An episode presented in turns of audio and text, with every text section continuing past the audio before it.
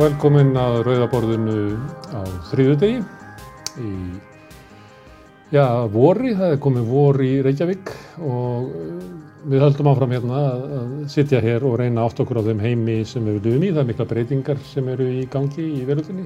Það er að ríkistjórnir hérna heima út af bankasölu og það er stríð út í Európu. En það sem við ætlum að gera núna er eiginlega að horfa kannski yfir lengri tíma. Við ætlum að skoða svona þær breytingar sem hafa orðið í eh, hugmyndum okkar um efnahag og ríkisfjármál og hagfræði svona frá hruni í gegnum faraldur að stríði og til þess að hjálpa okkur við það er hinga komin Gilvi Magnússon, professor í háskólanum. Þetta er velkomin Gilvi. Takk að þér. Hérna, ég nefndi hérna óróa í kringum ríkistofnuna út af bankasölunni og þar kemur meðal annars bankasíslan sem er verið að leggja niður. Þú varst einu sunni ráðra í, hérna, eftirhundsstjórninni um, til dæla skamma hríð, uh, hvað var það, tæp 2 ára eða? Já, eh, 19 mánuður. Já, 19 mánuður. Það var á þessu tíma það sem var svona hugmyndum þessa bankasíslu. Manstu, tókstu þátt í þeirri umræðum um hvað, hverju þetta átt að hjálpa?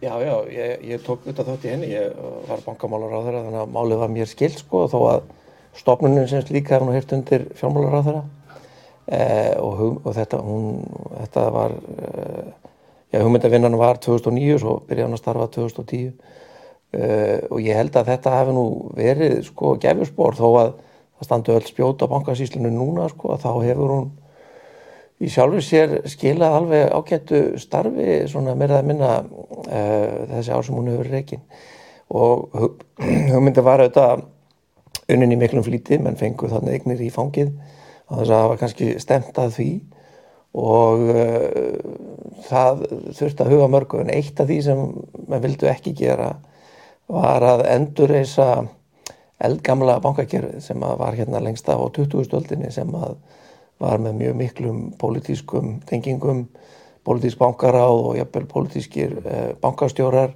og skömmtun á, á lánsfíi og gjaldeyri og öðru slíku. Eh, þannig að, að til þess að, að eh, aftengja pólitíkina Margfræga armslengt. það er margfræga armslengd á hjá Já. sem er svona kauðaleg þýðingur ennsku held ég um, að þá var ákveð að gera þetta svona að, að vera með stopnun þarna milli sem að, að þetta starfaði í umbóði fjármálarhansins eða alþingis náttúrulega stopnum með lögum og, og, og ætti að, að, að sjá til þess að það væri haldið faglega á hlutabrifunum og valin bankaráðin eh, með fagfólki og það var gert með auglýsingum eftir fólki til dæmis.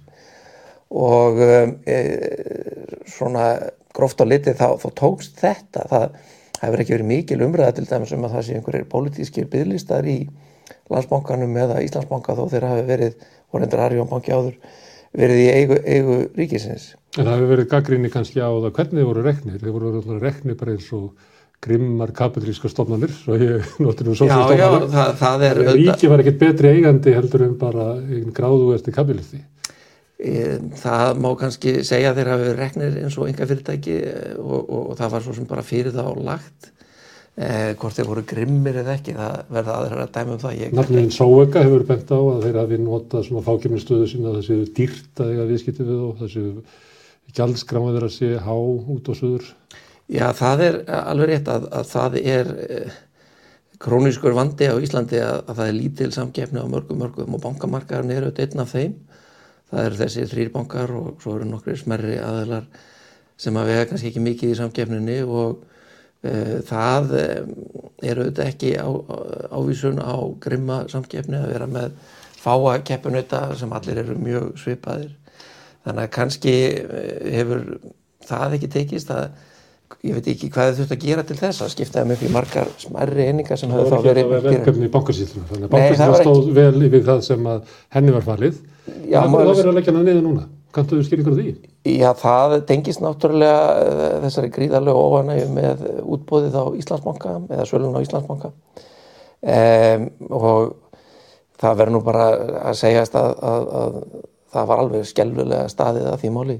Það, það ífðu eiginlega upp öll sár sem hægt var að ífa upp bæði úr hruninu og eldri sár frá, frá gamla bankakerfinu þar sem að, að, að staðið er þannig að sölunni að einhverjir örfáir fá að kaupa nánast í skjóli nætur á mjög hagstafu verði að þeir verðist bara til þess að geta selta á herra verði daginn eftir.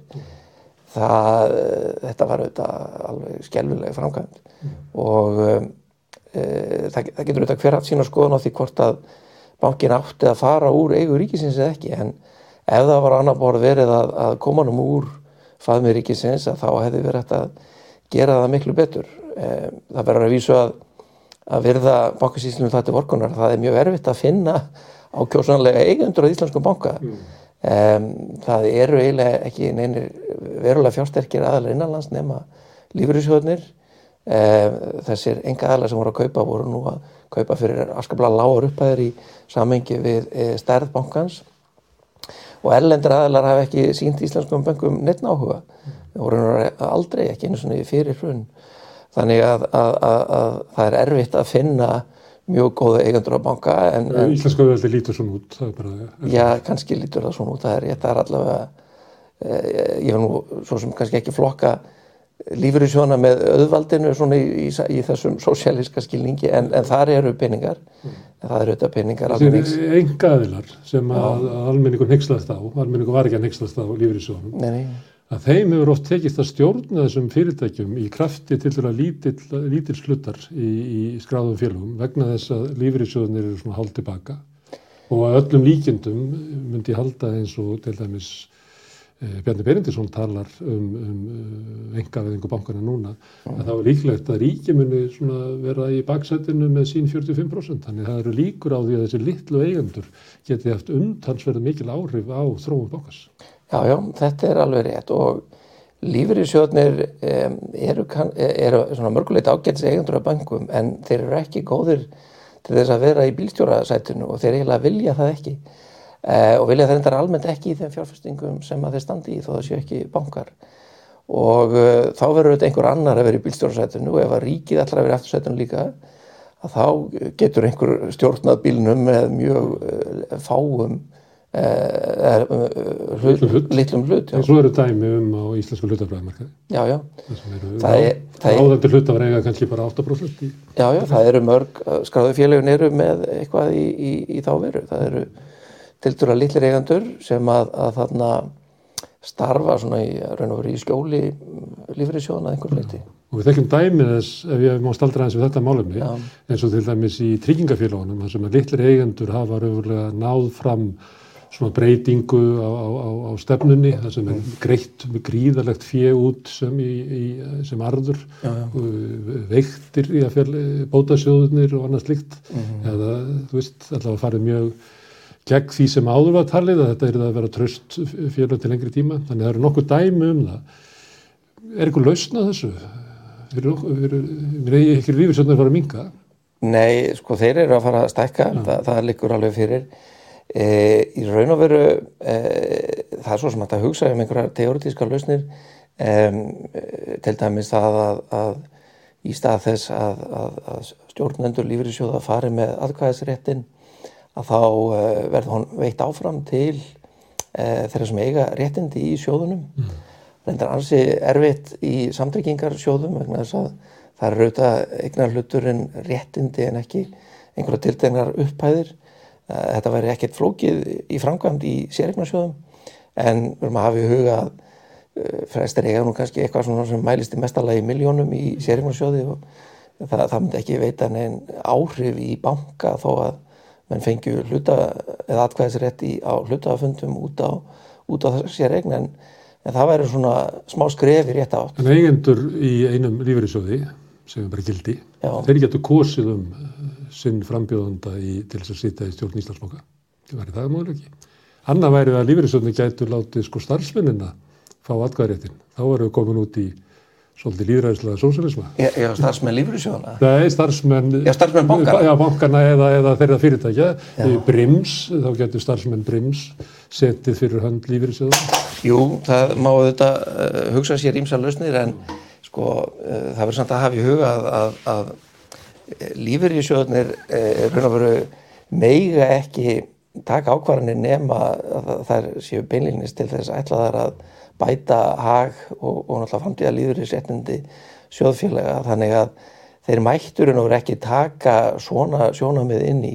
Þeir, þeir verða eiginlega, það, það er bara byrjunis lagaleg skilda þeirra að velja þá stjórnendur eða nota atkvæðisréttin þannig að, að það sé vanlegast til þess að, að, að hlutafinn græði sem mest hlutafinn græði sem mest og lífeyris þegar framtíðarinnar eru, eru hlutafar nútímans í gegnum lífeyriskerfi. Kapitalismin er eiginlega innprentaður í DNA lífeyrisöðuna, að bara hlutafinn drægi sem mest fjö út úr fyrirtækjum og greiði sér. Já, allavega, hann þarf náttúrulega ekki að endilega draga sér fjö til skamstíma því að lífeyrisöðunir eru langtíma fjárfestar þannig að það er ekki hag e, lífeyrissjóðs eða sjóðfélaga að, að, að merksjúa félagin skræla innan, skræla innan sko. það, það eru frekar skamtíma fjárfestar sem að vilja gera það þeir alltaf skræla einhverju félag og, og selja þau aftur uh, yfirleitt með heiminn og hóm skuldum mm. lífeyrissjóðnir sjálfs er engan hag í því mm. en það er endur eitt flötur á þessu lífeyrissjóðmáli sem að, að ég hef aðeins verið að skoða sem við hefum ekki komið inn á og það er það að eh, vegna þess að það eru svo fá fyrirtæki eh, á flestum mörgum þrjú eða fjögur, tryggingafélag eða bankar og, og eitthvað svipað í smásölu. Um, að þá kemur svo staða upp þegar, þegar lífyrirsjóðar eru hlutafar í, í mörgum þessara félaga að við erum með meira að minna sömu eigandur að samkjæmsfyrirtækjum mm. og uh, það kann ekki góður lukka að stýra. Mm og það er kannski og eiginlega bannaði eiginlega allstaðar það er ekki bara út af samkynnsjónum já, það við mættum ekki eiga já, saman það, bæði festi og haga nei, en þetta hefur nú einhvað síður ekki uh, verið bannað. Þetta er til dæmis uh, alveg jafn algengt í, á stærri mörgum eins og í bandaríkunum þar er það vísu ekki lífrisjóður sem að byrtast á listum yfir stærstu hluta heldur sjóðastjórnuna fyrirtæki það er svona nöfn eins og BlackRock og Vanguard og State Street. Ekkert endilega vóðunarsjóð þetta getur verið bara vennilegir hlutabröðsjóð sem kannski er að selja uh, lífyrirsjóðum eignastýringu. Mm. Uh, gríðarlega stór fyrirtæki. Þau eru með hundruð eða jæfnvel þúsundir miljardar dollara eða efra eignastýringu.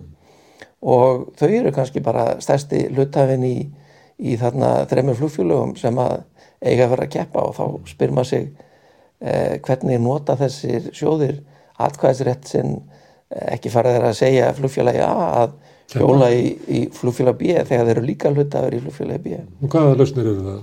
Því hagfræðingarnir alltaf dag að hugsa um hvernig á að hafa hagkerfið sem virkast þannig að þjóni hag allra sem best. Já, hvað er það að gera í þessu? Sko það, það hefur rætt um ímsa leiðir auðvitað geta hagfræðingar bara lagt til leiðir, það eru náttúrulega stjórnmálumenn og endanum sem verða að, að setja lögin og reglunar sem að farið er eftir. E, það eitt er náttúrulega að, að þarna, e, setja einhverjar skorður á þetta, þetta er kallað samílegt eignarhald eða horizontal ownership á ennsku. E, það hefur ekki verið farin svo leið e, en e, í staðin hefur verið farin svona einhverja mildar leiðir til dæmis að, að, að þarna takmarka atkvæðisrétt í einhverjum tilfellum eða hvetja lífriðsjóði til þess að, að taka tillit til þessa e, bara svona augljóstæmi það má ekki tilnefna sama mannin í, í tvær stjórnir, fekkja fyrirtækja sem að, að keppa en, e, og, og lífriðsjóðnir auðvitað vita af þessu þannig að þeir reyna að vanda sig, þeir sitja ekki tengda aðila inn í stjórn vís og sjófa og almennra, sjófa almennra og, og, og TM Um, þeir, en, en kannski fyrir sami lífur í fórstjórun samt með atkvæðisrétt á hlutafundum allra þryggja félagana mm. þannig að þar verða menna að vanda sig það er alveg ljóst Og lífur í sjóðunum með ekki hafa samráð sín á milli, það er bannað? Já, já, og svo gildi það náttúrulega bara almenn samkefnislög um lífur í sjóðuna eins eins og annað. Þannig að e, og það er náttúrulega freistandi að tala um lífur í sjóðun Ég veit að ég var að slóta sinni út af því sko, svo fólk held ekki að það væri einn aðri sem væri með 70% atkvæðamagni í, í, í til dæmi sín, ég held að það er eins og nú herri heldur það, ég held að það séu bara náttúrulega 80% þar, já, já, þá er það umvel ekki þannig. Það dreifist á nokkra sjóði sko.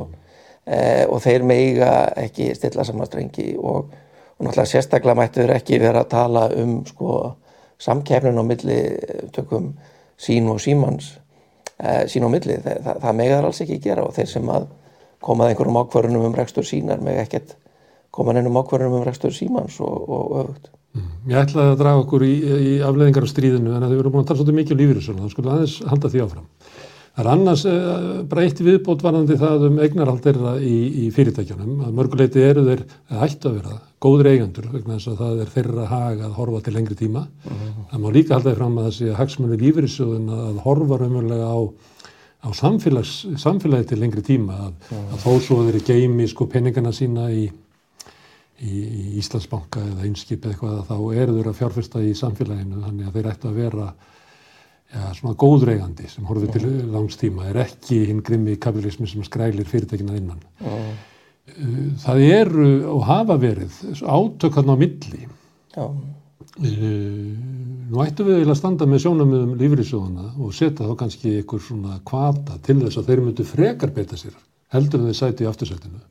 Frekar heldur en þeir væri í framsætinu sem ætla að, að, að ná stundargróða út úr fyrirtækjunum eins og að kaupa í Íslandsbanka og, og selja svo daginn eftir og kaupa í vís eins og varu bara frektir í dag af einum. Já, já. Þannig að getum við ekki gert eitthvað uh, hérna getur ekki bara verið sáttari við hérna, eign lífeyrissjóðuna af atvinnufyrirtækjunum og verið sáttari við þegar þau raunverulega kannski leiðið þau móti stefnuna?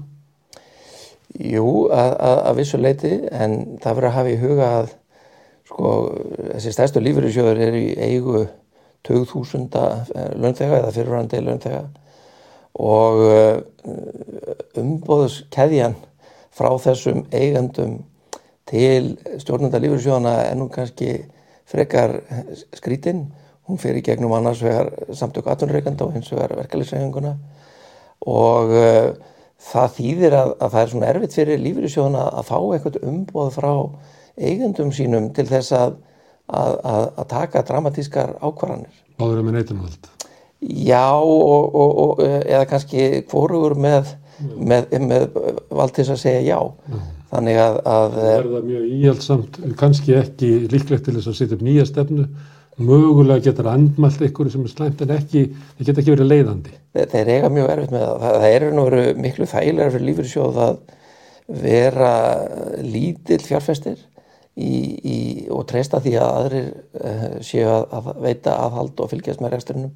Það eru þeir á ellendum mörgum. Það er, það er ekki bóð á Íslandi? Það er, neymi, það er ekki bóð á Íslandi. Þeir, mm. þeir eru bara svo stórir. Þeir eiga einhverja 6.000 miljardar og uh, mörgum, í mörgum félögum eiga þeir helming eða meira og, og reynda líka á skuldabæramarkaði þá eiga þeir heilu flokkana nánast og, og í, í þeirri stöðu þá bara er ekki hægt að sitja og horfa á einhverja lilla hlutafa stýra þannig að, að þeir verða að móta sér stefnu en e, þeirra uppbygging er bara þannig að það er erfitt að sækja umboð. Sko ef einhver enga fjárfæstir er með sína eigin peninga þá náttúrulega bara getur hann gert það sem hann vil við þá. En þegar menn er að sísla með annara manna fjö eins og lífriðsjóðnir eru að þá er erfitt að fá umboð til þess að vera djarfur mm. og, og kannski jafnvel bara nánast banna það það eru alls konar skorður á fjárfæstinga lífriðsjóða settar í lögum sem að, að eiginlega það meiri segja hámarka á hvað er með eiga mikinn hlut í einu félagi og svo framvegis þannig að, að, að allt kerfið það eiginlega uh, kemur í veg fyrir að, eða allavega torveldar það mjög að þeir séu svona í leiðandi hlutverki. Mm.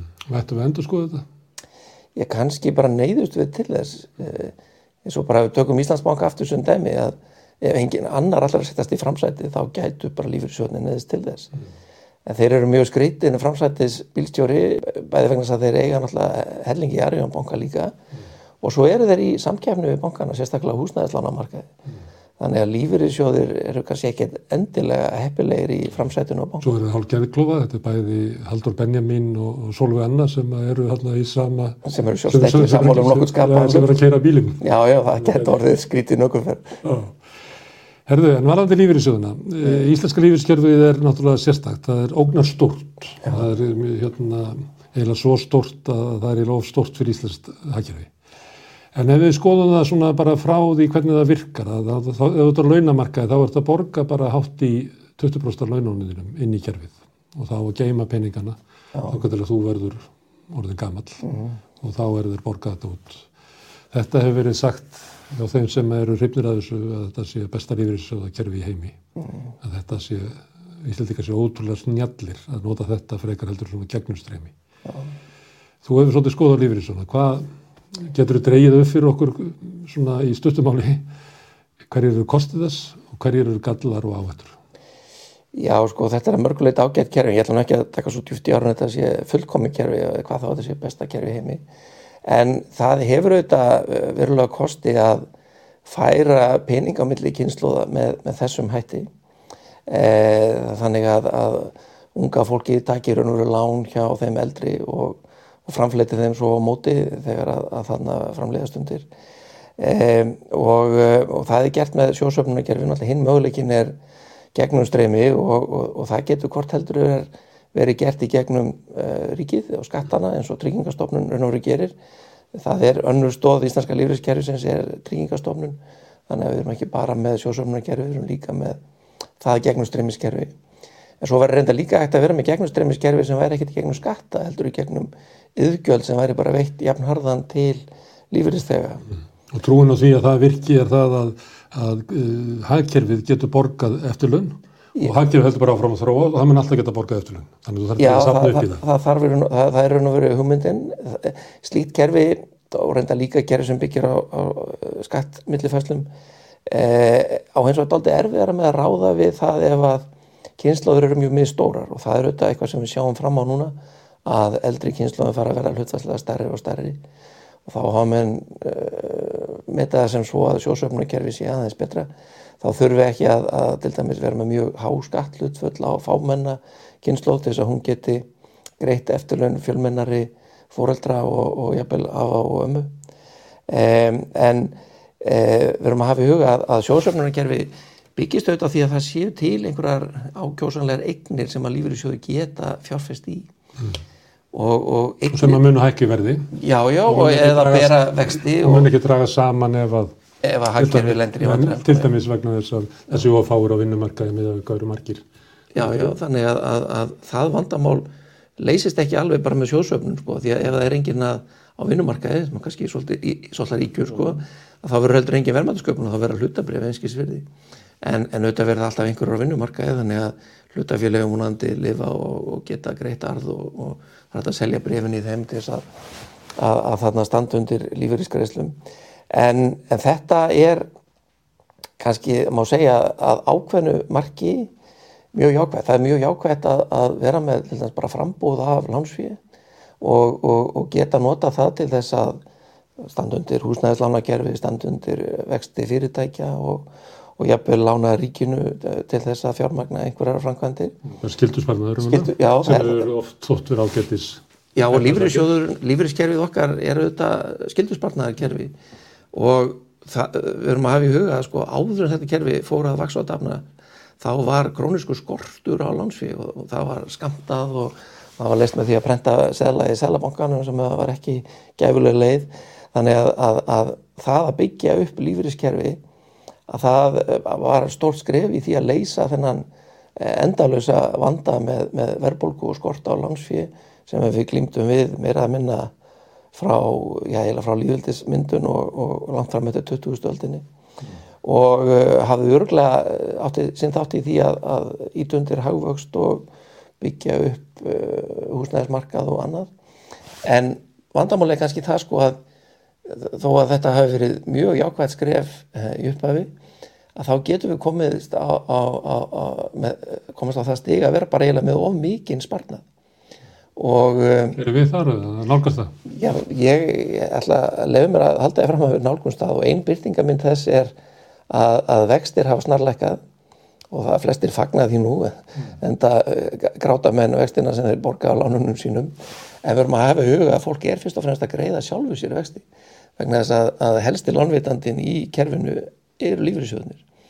Eh, og ef við borgum okkur sjálfum lága vexti að þá kemur það meira á endanum niður á, á lífriðsjóðnum og við getum reynda og það reyndar ekki bara sko lánsfjö ef að við uh, veitum til þess ofmiklu fjö inn á hlutabriðamarkaðin að, að þá getur verðið hækkað uh, umfram það sem að er kannski uh, einstæða fyrir og, og þá fáum við einhvers konar hlutabriða bólu Eh, og menn hafa margir eh, og ég er einn af þeim verulega ráðhugir af því að, að það sem að hefur verið að gerast eh, undanfærin ár sem tengist reyndar kannski minnst lífriðsjóðum en meira því sem selabankar hafa verið að gera við um heim, ekkert endilega svo íslenski en til dæmis á bandaríski og euróski og fleiri stórir að, að, að breyðast við vanda með dælinn penningum að það eh, keiri Sko stærri upphæðum heldur en að, þegar þú varst í námi hefði geta bara ímyndar, þú er aldrei trúað því Nei, það hefur e- tælt mikið. það er bara, það er bara alveg af og frá sko. um, þegar mest gekk á vorið 2020 þá bjó bandaríski selabankin til 1000 miljardar dólar á mánuði sem að eh, sko var meira heldur en hann hafði búið til frá stopnun til 2008 og hann gerði þetta á einu mánuði bara 1000 miljardar og nokkra mánuði í röð.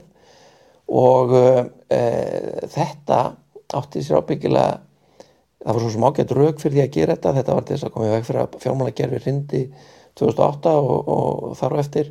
Þess að koma í veg fyrir krísu í ríkisfjármálum sérstaklega efruðsvæðinu uh, í kjálfar fjármálakrísunar og svo áður en að menn voru búin að, að innkalla þetta fyrir orðan það þannig að þá fórum menn að bæta í stappan í uh, faraldrinu þannig að það búið að búa til alveg ævindirlega mikið af fyrir og einn byrtingamind þessa er að sko hlutabrið að vera núna á alþjóðamörkum er mun herra en það var fyrir faraldur sem er eiginlega ílskilinlegt veljum fólki, hvernig getur við verið með faraldur og, og alls konar remmingar á mörguðum og, og heilu atvinnugreinan að loka eins og ferða þjónustan mm.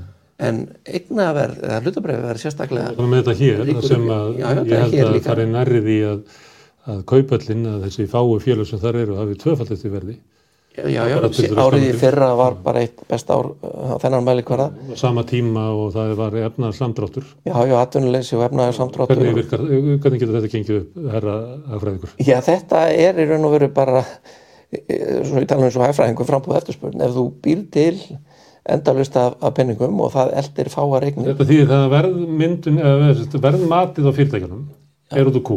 Já, Þessi fyrirtæki mun aldrei standa undir þessu ef maður myndi hugsa, hugsa eins og svona íhaldsama fjárfæsti eins og Warren Buffett eða eitthvað sem maður reynir að reikna hvers virði fyrirtækið er, hvort það geti staðið undir verð, verðmæti sínu, þá er erfitt að, að fá það til að ganga upp í nokkru íslensku fyrirtæki. það, það, það er vissulega, og ég myndi nú ekki sko hafa íslensk fyrirtæki þar undir, þetta er alveg sama þróun annar staðar og, og reyndar hafa skuldabrif líka hækka, það er það sem gerist nána sjálfkrafa þegar að vexti lækka og, og svo hefur annað eignaverð eins og fastegnaverð sem að menn hafa nú mikið hort á Íslandi og reyndar annar staðar líka hækka, þannig að þetta, þetta er eiginlega bara frambúð eftirspurt að En hvað gerir? Þú er til að lýsa eins og aðdraganda, þetta er bóla. Já, og þú er, springur þetta. það er það sem er nótast en uh, maður gandast nú með það að erfiðast að uh, aðstæðan til þess að sjá bólu ef þú stendur inn hinn í miður ég ætla ekki að segja að, að, að þetta muni springa en það er augljóst að, að, að allir þessi marka eru mjög þandir og, og þá getur auðvitað þið geta þannist enn meira. Uh, það er gaman að taka til dæmis eh, dæmi um einhverja fáranlegustu eign allra tíma sem eru bitcoin Mm. sem, að, sem að bara engin þingdarlögmjöl virka á og, og það er orðið, verðið er orðið alltaf hátt en samt heldur það áfram að hækka. Um, það, það er kannski íkt eigna því það er ekkert á baku hana. Hún, hún er nú reynskisvirði en nema vegna þess að, að, að, að meira flónskenningin mm. uh, keirur verða á henni en halda að Það nóg að að flónum í Já, já, það sé, sé alltaf að finna fleiri flón sem vilja kaupa meira bitcoin en um, það er auðvitað bara frekar lítill markaður en ef að það sama gerist á stærri mörgum eins og hlutabriðamarkað og fastegnamarkað Það hefur verið stórkvöldlegur. já, gríðarlega árið En, að þú nefndir þarna stærlabrentun bæði í, í Bandaríkjónum og í Evrópu. Ef það verður svona hrun, þannig að við séum kannski að spá því, hvað hérna, hefur það ekki áhrif ef að ríkissjóðunir eru búnir að uh, framlega svona mikið að, að, að, að penningum í aðdraðandanum? Eða skiptir það kannski engum máli? Jú, það skiptir máli sko það, þarna, það, er, verða?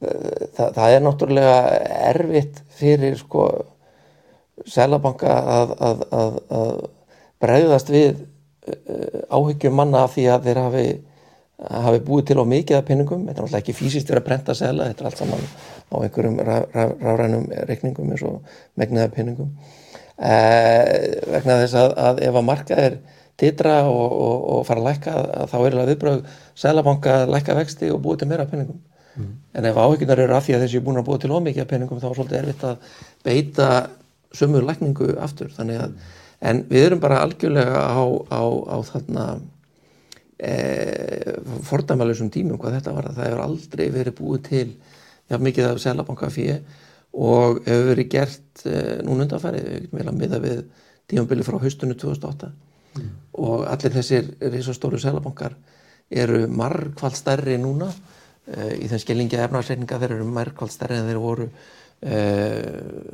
hvað ég að segja, voru 2008 og það veitur hún á reyngin hvernig er hægt að snúa ofan að þessu eða hvort eigi að snúa ofan að þessu eða hvað Ég afleðingar veit heldur ekki eins og hversu langt er þetta að fara þess að sömu leið því að mér finnst frekar ennþá vera að menn tala um að geta tekið á sig stórverkefni eins og til dæmis í sambandi við faraldurinn að, það Já, var, að við getum bara leist það með því að bara dæla penningum út í hagkerfið og haldur þessu gangandi. Já, já, Nú talaði mönnum til dæmis Úkrænu að það við getum endurreist hana með því að það þýðir bara svona með svo marsjál aðstóð til Úkrænu út úr Európusabandinu. Við hérna þurfum að auka fjárveitingar okkar til hermála og við höfum hérna á því. Þannig að ég sé eiginlega engin merki þessum að sé nokkur staðar í samfélaginu eða ég sérst í heiminum verið að tala um eiginlega skort á, á peningum eða sé komin að einhverjum ytri mörgum þess hvað þetta er að búa til. Nei og það, það er nú kannski sko byrtingamind þess að, að menn, þó menn tala um selabankar sem hluta ríkinu að þá, þá er þetta og þetta er hann það e, það þá er svona tilnefing til að líta á þetta sem tvo sjálfstæða arma og e, það sem gerist þegar að selabankar halda vöxtum svona lágum er auðvitað meðal annars að ríkisjóður geta tekið lán á mjög hagstæðum kjörum.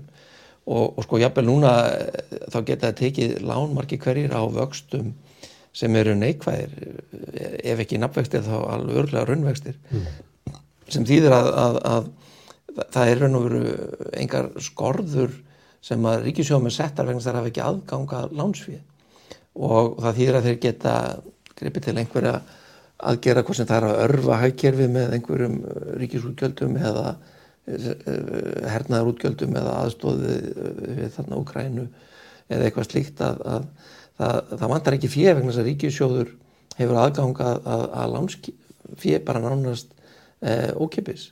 En ekki endalust.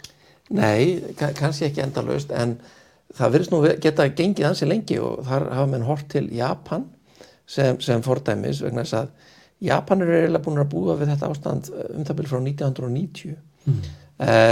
þá, þá byrjaði svona einhver krísa þar sem að, sem að við þurfum kannski ekki að rekja hér en ein afleiðing hennar og, eða viðbröð við henni voru að keira niður japanska vexti og þeirra hafa verið bara nánast null síðan og japanska ríki bara tekur og tekur lán og, og, og þarna ræðist í alls konar verkefni Mikið skuldum bara út um allt í japanst samfélag. Já, já, þetta er bara ekkert- jafn- var ekkert að- ekkert afskrifað, lágur vextir, lítill hagvöxtur, stöðnun. þetta er, þetta er stöðnun og, og, en, en rík, hefur engin áhyggjur af, af uh, Japanska japanska ríkinu þess að þetta eru bara Japanir sem eru viljuð til þess að lána sjálfum sér.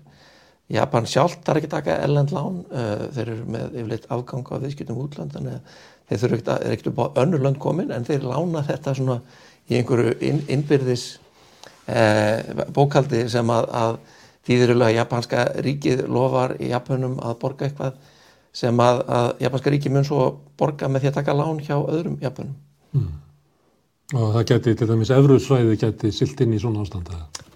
Já, það, það er allavega uh, fordæmi frá Japan segir allavega að, að, að þetta sé hægt og Japan eru múin að gera þetta í 30 ár mm. Evrusvæðið er Það er aldrei svolítið stöðnun í Japan eða ekki. Ef þú horfir á þessu uppgámstíma frá setni heimstríðald fram að þessu tíma sem þú ert að lýsa, Já, já. þá er það náttúrulega að gera ólíku tími. Það er bara Japan var undur veraldar. Japan síðustu 30 ára er ekkert undur. Það er bara Nei, nei. eins og bara einhver gömur klessa sem hefur glemst þarna, sko. Já, já, það er, endar, það er alveg rétt, en sko, ja, lífskjör í Japan eru mjög góð en, en, en samt stöðnun og þá sé náttúrulega marga skýringar, ein er bara líðfræðin sem er mjög óheppileg svona frá þessu sjónarhóli í Japan, þeir eru orðnir mjög gamlir og, og, og það þýðir að það eru fáur á vinnumarkaði. Evrópa er aðeins yngri en, en hún stefnir í sömu átt, kannski verður það aldrei alveg íkt það er að segja hvað, hvað hlutfall eldri borgara verður hátt í Evrópu. Að vísu verður maður að nota Evrópu svolítið svona varlega því að Evrópu er þetta mörg lönd. Sum þeirra eru ung og, og önnur eldri. Eh, einna versta aldurstreifingin er í, í mörgum löndum eh, Östur-Európu eða þessum við köllum Rússlandi. Já, hún er mjög slæm í Rúslandi og, og það á sér bæði sko, skýringar í fæðingatíðni og, og, og lífslíkum og, og slíkum breytum en líka því að unga fólki hefur flutt. Og við sjáum þetta auðvitað á Íslandi að, að þarna hér er, er fullt af til dælu ungu fólki á vinnumarkaði sem hefur komið frá, endur ekki margir frá Úslandi, frá Pólandi og Eistrasallöndunum og viðar og, og, og, þetta er, er vitaminsbrauta fyrir Ísland en þetta er auðvitað engin vitaminsbrauta fyrir Póland eða. Nei. Ef ég má, að þú nefnir þetta, að þetta hefur verið talað um og var svolítið svona ábyrjandi í umræðinni í aðdraðanda kostninga og ég, svona fólki sem að stýri ríkistjóninni talar oft um þetta, um öldru þjóðar sem eitt af svona áskorunum sem við þurfum að mæta. Mm. Þú nefnir þarna innflýtendur sem að raunverulega draga úr áhrifum að þessu. Mm. Mundur þú telja að, að þetta væri e, eitthvað sem við Íslandikar ættum að hafa áhuga á, að við myndum eldast og það er alltaf hlutastlega færri sem eru á vinnumarkaði eða ég vil horfa á það að við séum hérna með samfélag sem að margi vilja búa í margi flyttja hingað inn til á þrítusaldri ja. við þurfum ekki að kosta uppeldi þessa fólks, fáum það ógefis kemur inn hérna á vinnualdri mm. vinnur hér og þú veist kannski þurfum við að, ef við myndum að horfa á það að mm. til dæmis að kenna því íslensku það eiginlega bara kostar bara eiginlega ekki neitt í samanbörði við það sem að kostaði að koma því til títus þannig að við ættum að taka því fagnandi er þetta því að ég mann, hérna svona nýjunda áratunum, svona 85, þá var byrjið að tala um þetta hér og ég leik mér að því að skoða aldursamsettingu Íslandika þá mm. og núna og hún hefur sko, hún hefur batnað á, á þennan mæleikvarða út af inflytildunum. Er þetta raunverulegt vandamál á Íslandi? Ég hef átt að með að þetta er vandamál í Rúslandi, þetta er vandamál í Japan, en ættu við að vera að tala um þetta? Já, sko, Hagstofan spáir alltaf einhverju öldrun og, og byggir það auðvitað á einhverjum aðferðum sem þeir eru með en e, spátnar hafa ekki gengið eftir. Þeir bara eins og ger ekki ráð fyrir því að fólk vilji koma þegar. Nei e, og, og það er náttúrulega mjög erfitt að spá fyrir um fjölda inflytenda þannig að, að það má kannski segja að það sé mjög erfitt að, að treysta á, á, á, á þetta um, en auðvitað er að þannig að lífskjör á Íslandi eru mjög góð e, í, til dæmis að samanbyrju við í Pólandi eða, eða tala um ekki um austar í álfunni Mm. Norður uh, Afríku? Já, já, já, svo ekki sem ef við förum út fyrir Európa þá er hún alltaf miklu betri hér. Það er engin hörgull af fólki sem myndi vilja flytja þengar? Nei, nei, og en við höfum auðvitað ákveðið að hafa leikregluna þannig að megi bara fólk frá ES-svæðinu flytja hingað svona nokkur neginn, aðrir þurfa að fara yfir háargýringar til þess að, mm. að fá að flytja til hans. E, fyrir vikið hefur þetta þróast á allt annan hátteldur en spár uh, uh, gerður að fyrir. Um, hvort það haldi áfram, ég veit það ekki. Það, það, það er raun og veru verður komið ljós. Ég, ég, reyndar, ég hef spáð mikið í fólksflutningum. Mm. e, þó ég hann ekki tala mikið um það ofinbegla undan frá nári en doktorsveit gerir mín fjallaðum fólksflutninga að vísu innanlands en ekki, ekki millilanda. Mm. e, þar, en þar sá ég að, að hvað, hvað náttúrulega efnaðarslega breytur skýra mikið af e, fólksflutningum. Og þetta er auðvitað mjög einfalt þegar að laun eru tvefalt herri hér og og, og heilbríðiskerfi gott og, og margt fleira sem fólk sækist eftir.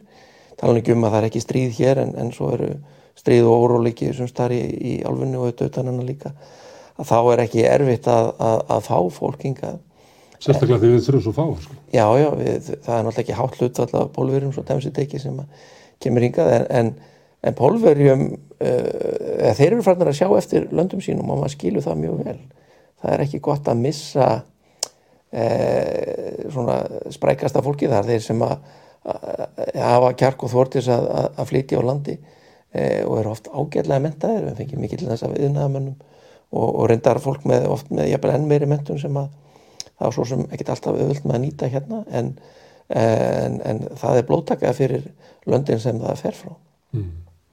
Ég drega alltaf umræðin að vengra frá stríðinu. Já, þú, já. þú nefndir fólksflutninga. Hvað varst að rannsaka í, varst að rannsaka flutninga vestfyrðinga í bæin? Já, svona meðal annars, sko. Þetta var bara rittgerð um byggða þróun og, og, og skýringar á henni. Mm.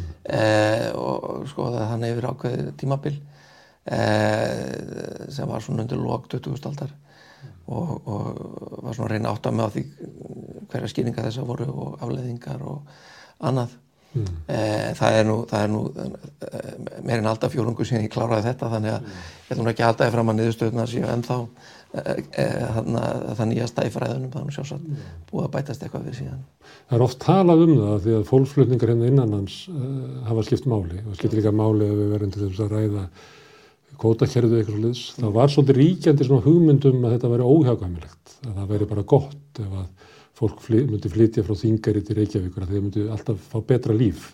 Já, Uh, voru þína rannsóknir sem síndu þetta að þetta væri eitthvað sem við ættum raunverulega að fagna og ekki að vera með byggðarstefn á mót þessu?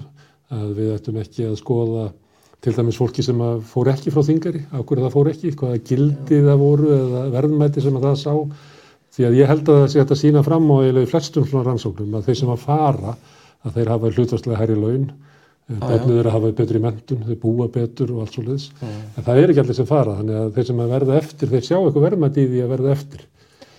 Já, það, sko, þetta er allt saman rétt en sko, það má kannski segja að, að, að byggðarþrónun í Íslandi hafi verið sko, heppilega því leiti til að, að það hef, á flestum stöðum, fyrir utan kannski vestfyrðina og hluti til Norrland vestra, þá hefur ekki orðið mikil fólksfækkun það bara hefur ekki orðið fólks fjölgun. Ekki hlutastlega sama fjölgun annars þar? Nei, nei, og við tekið bara Akureyri sem er alltaf mjög lífanlegur bær og, og þeir líta nú kannski ekki á sig sem, sem landsbyðina en, en svona stærsti staðurinn utan höfbakarsvæðsins að, að, að það hefur ekkert fækkað en það hefur heldur ekki fjölgað og, og það er kannski ekkert mjög sásauka full breyting þegar að, að fólksfjöldi bara svona nokkur. Það er svona Japan eftir, þú veit. Já, já, en e, ég, veit, ég veit ekki betur en að það sé ágætt að búa á Akureyri þó að sko að þarna Akureyri sé ekki lengur næst stærsti. Nei, þeir myndu aldrei viðkenna allavega. Nei, kannski ekki, þeir myndu aldrei gangast við. Nei, það er fínt að búa Akureyri, ég veit ekki margir að búa.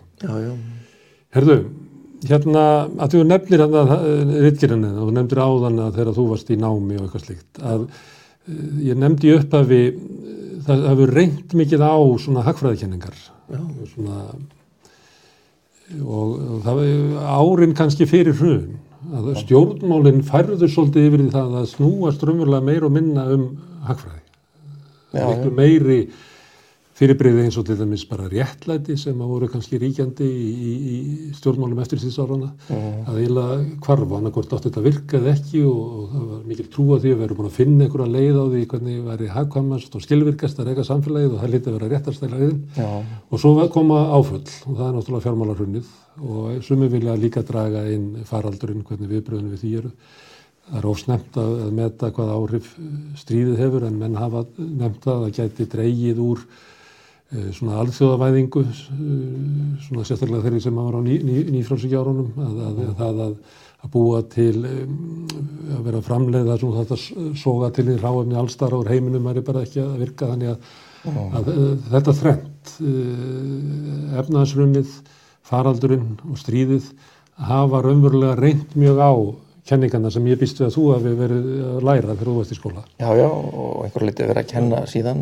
Hverjar er þessu breytingar? Ef við vilt rappa með okkur hérna, fyrir því sem fagfræðik að fara í gegnum þessu breytingar. Hvað er það sem að breytist? Já, það er náttúrulega margt sem breytist, sko. Ég held nú reyndar að, að stríðið sem að er náttúrulega til dæla nýbyrjað, sko, hafa nú kannski ekki haft mikil áhrif, en e, og ég veit ekki með, með þarna faraldurinn að vísu, hann dró fram, sko, Eh, hvað Sælabanka leika skrítið hlutverk því að þeir bröðust við alveg eins í faraldrunum eins og þeir gerðu í, í, í, í krísunni 2008 og maður upplifið það að, að, að Sælabankarnir eruðu meiri hluti að bara ríkisaðgerðum og verið meiri þáttaköndu þar. Ég, það, Já, já, og þeir, það má kannski segja að þeim hafi tekist það að, Ég má benda á, sum bentu líka á það að álag á helbriðiskerfið dróð svolítið fram eh, veikleika nýfrælsíkjáruna til dæmis á Spáni og í Þískalandi var talað um að það sem að voru veikleikar hefðu verið uh, minni uppbygging, uh, engavæðing og, og svona fyrirtækja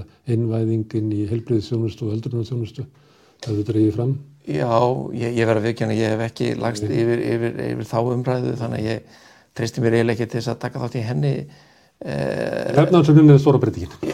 Já, sko, efnaðarsögninni er eiginlega stóra breytingin og og, og það dró fram ímislegt sem að mönnum þótti mjög, mjög erfitt að kingja sem að höfðu trúa því að, að til dæmis bara fjármálakrísur væri svona eitthvað sem að hefði annarkvært gert sögulega eða gerist í löndum eins og Argentínu eða Mexiko eða Rúslandi. Mm. Allt í hennu var bara fjármálakrísa í, í vestur-Európu og, og reyndar í bandaríkjunum líka þetta svo kalla undurmálslána mm. krísa, hún eiginlega byrjar þar þannig að, að, að þessir stóru og djúbu markaðir með gríðarlega veldu og þessi flottu fyrirtæki, fjármálafyrirtæki og önnur og, og, og regluverk og annað sem að maður held að væri bara eins og bestur á kosið. Allt í hennu stóðu þau upp Markaðurinn myndir sjálfur jafna, jafna Já, sig, já, það væri bara komið eitthvað innra jafnvægi sem við þurfum ekki ágjörð. Já, já, og, og, og að markaðir bara gætu séð um þetta sjálfur að það væri algjör óþarfi að, að, að ríkisvaldið væri eitthvað að hafa mikið eftirlit með mörkuðum því að ef einhver fjármálafyrirtæki er að gera skrýta hluti þá myndi bara markaðurinn refsa því og þvinga það til þess að, að, að haga sér skikkanlega. Svo komið ljósa að það bara var alls ekki og margt af því sem að átti að vera eitthvað svona eftirlitskerfi e, til liðra við það ofnbera í engageranu það var eiginlega handónýtt. Við bara tekið sem dæmi lánsæfismatsfyrirtækin sem gáfu bara einhverjar stórfurlegar einhvernir meira eða minna gegn gjaldi. Og uh, það var ekkert að marka það sem að frá þeim kom uh, meðal annars stórfurlegar einhvernir sem Ísland fekk á, á sínum tíma. Og jáfnvel sko ekki bara íslensku vanganir heldur sko fyrirtæki sem voru, uh, hérna, voru stóri hlutafri í böngunum eins og það var gefið út heldur bara lánsæfnismat á fyrirbreyði eins og FL og, já, já, sem átti að, bara A plus. já, já, þetta átti að bara vera nánast eins og lána bandarinska selabankan um, og, og uh, þessi trú, hún auðvitað reyndist algjörlega innstæðulegs um að markaðir gætu uh, bara stýrt sér sjálfur sérstaklega fjármálamarkaðir þetta hafði verið ríkjandi trú í hagfræðinni í 30 ár. Þannig að í hagfræði deildónum Já, já. það voru bara svona hagfræðingar. Já, já, það, það, það mátið sannsvega færa og um, auðvitað töluðu menn einhver staðar í til dæmis bara einhverjum svona byrjanda kjenslubókum um fjármálaga grísur og, og eitthvað slíkt sko en það voru einhverju kaplar mjög aftarlega í bókinni og kannski oftast sleft og ef þið voru teknið fyrir þá var það svona til að fjalla um sko Argentínu eða Afríku eða, eða, eða kannski Asíugrísuna sem var í löndum eins og Tælandi. Menn töldu sig vera langt yfir þetta hafnir. En svo bara var allt í unni áhlaupa á Breskan banka og, og bandarinska kerfið e, nötraði og, og alltaf þetta íslenska rundi en það voru mörg önnur komin ansi nálægt björgbrunni og, og, og þetta fekk mér nauta til þess að endur hugsa að einhverju marki skilvirkni markaða og möguleika og getu markaða til þess að hafa eftirlit með sjálfum sér. Um, og, og það var þetta bröðust við því með til dæmis einhverju stífar regluverki og einhverjum slíkum breytingum. En um, e, það er streyst á móti. Það eru margir sem að vilja fara aftur í gamla farið og, og við heyrum mjög, mjög þarna gamalkunnan kórum af reglun og það þurfum við að, að berja á, á, á þarna reglufarkanunu og þessu öllu saman og hann byrjaði eftirlýtsiðnaðurinn uh, illi og menn vilja veikja uh, samkeppniseftirlitið kannski sérstaklega uh, það finnst nú vera óvunni nummer eitt um, en svo sem líka vera með léttara regluverk í, í íms, ímsu öðru og það var nú bara við erum kannski ekki að kalla það skemmtilegt dæmi eða svona áhugavert lítið dæmi sem byrtist bara í fjölmjölum í vikunni um bílasölur. Þar var einhver afreglun og, og, og það var bara örfáum dögum eftir að þeim, því, þeim lögum var breytt sem að einhverju stopnuðu bílasölu sem að verðist núna að hafa verið með mjög hæpin rekstur svo ekki sé dýbri árunni tekið ég, ég er svo sem tekið það dæmi bara úr, úr, úr, úr fjölmjölum en, en það er þá eitt dæmi um það að, að, að það var ekki hægt að treysta markaðunum til þess að hafa eftirlit með bílasölum og það spurning þá hvort að ég að treysta honum til þess að hafa eftirlit með böngum En þessi breyting, uh, þegar hérna, þetta rennur upp fyrir mönnum og hagfræðingunum, að þá kemur kannski í ljós að það sem að menn, verkværi sem að menn töldu sig hafa virka ekki lengur. Þannig að menn þurfa að finna ný verkværi. Hvað, hérna, menn draga það ekki upp úr bara loftinu. Það getur verið hættulegt að sækja þá kannski gömul verkværi sem að virka ykkur tíman áður. Hvað, hvernig hefur hagfræðin tekist að endun í þessu? hún eh, hefur þetta, tekist á við þetta en ég ætla að lefa mér að fullir að, að sko hún er enga veginn búin að ljúka því verki mm. uh, kennslubækurnar eru mjög tregbreytanlegar uh, ef þú tækir kennslubók sem var brentuð 2022 og bæra hana sama vara sem var brentuð 2007 að þá myndi vera mjög margt sammeilegt þar á milli. Þannig að, að, að, að því miður þá, þá er, er, er mikil tregða í því. Um, en, en áður en að kennslubókum er breytt þá verða mér heila að komast að að tröstum já, finna út þetta nýja. Og það getur tekið tíma. það það getur tekið tíma. tíma fyrir svona hluti að settlast inn og, og það er ekki alltaf endilega rétta sem mannum döttur í hug fyrst. Nei, nei og, og svo nefni aftur dæmið um, um selabankabrendununa þar, þar eru menn bara einfallega að reyna eitthvað sem hefur ekki verið reynd áður. Og það kannski má segja að það hefur virkað en við veit ekkert hvernig svo saga endar. En þessi saga hefur aldrei verið sögð áður. Þú, uh, þú veit að það er eitthvað beigur í þér varðandi þetta? Já, já, það er nú stundum sagt að hagfræðin séu hinn döbru vísindi þannig að menn hafa alltaf áhyggjur. Og þetta eiga menn að hafa það, það verður að spyrja gaggrinuna spurninga og eh, ef eh, eitthvað verist of gott til þess að vera satt að, að, að þá ámar að vera sérstaklega gaggrinuna á það og e, bara að spyrja eins og bara mjög, mjög grundvallar spurninga þú veist, geta selabankar búið til endalust af peningum án þess að, að það leiði til eignafærsbólu eða bara vennilegar verðbólgu? Uh, og svarið virðist nú eiginlega að vera nei því að við erum að sjá bæði eignafærsbólu og núna allt í einu uh, verulega ráhyggjur af verðbólgu. Hún er komin upp í að vísa ekki fordæmalösar hæðir en herri tölur uh, í bandaríkunum og við í Európu heldur um enn að hafa séð áratöfum saman. Það er herri verðbólga í Þískalandi og bandaríkjálum heldur á Ísli Já, já, það er náttúrulega mjög aðtæklega að fara að, þarna að maður gleiðast yfir því. Já. En varðandi þetta, eh, en er þetta ekki, er þetta ekki bara góður tímar að vera hagfræðingur á? Það sem að sko þyrlast upp hérna, við alla kenningarnar, eh, eru hérna, eru nýjar kenningar að koma fram og hartilt um þar og er þetta spennandi tími eða einhver lit eftir að lýsa þetta þess hvað er eh, erfitt að breyta kennslubókunum að svona einn akademiska hagfræði er út að kannski bara of seifljótandi til þess að þetta geti notið þeirra tíma sem er búið upp á það sem að eiginlega ætti að vera það sem allir kalla eftir sko nýjum uh, kenningum og nýjum lausnum. Mér- finnast þetta persónulega mjög spennandi tímar til þess að vera hagfræðingur sko út af akkurat þessu sem að þú lístir en, en auðvitað eh, getur maður gram, orðið gramur yfir því sko ef manni finnast félagarnir ekki, ekki hafa tilengað sér eða dreigir rétt að lærdóma af, af því sem við erum búin að sjá undanfærin ár. En það er nú stundum sagt um, um, um fræðaheimin, það er ekki bara hagfræðin heldur almennt að, að þar verði framfarir með hverri jarðaför.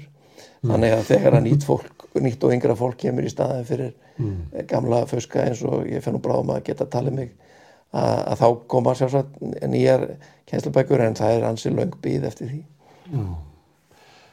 Já, en það sem að þú nefndir þarna að uh, það eru gamlar kröfur eins og um afregluveðingu Já, uh, sem að maður myndi ætla að væri dauðar ef við dáið 2008.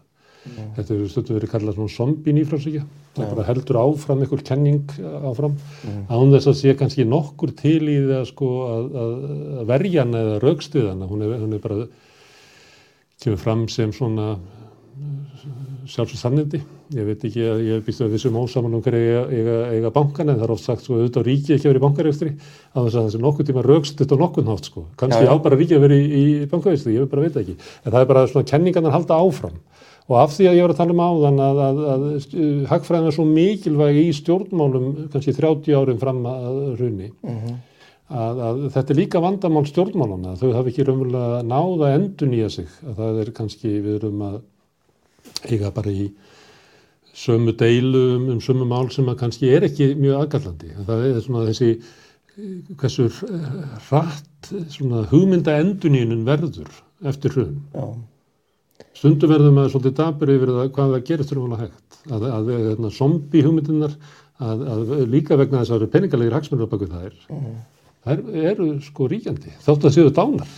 Hvernig, hvað, hvað er það að gera til þess að degi já, ég veit ekki hvaða silfur kúlu er hægt að skjóta í, í þær en, en þetta er alveg rétt og, en það verðum að hafa í huga sko að, að, að, að, þeir sem að er að stjórna fyrirtækjum og eru kannski ráðandi í, í stjórnmálum eða einhverjum, einhverjum þarna hagsmunarsamtökum eða einhverju svoleiðis það, það er auðvitað fólk sem að fóru gegnum skólakerfið með kennslubókunum áður en þeim var breytt. Og, og, og þeir eru kannski bara að nota frasa sem að þeim voru sagðir að væru góður og gildir. Og, og kannski töldust vera það fyrir 20 árum eða svo.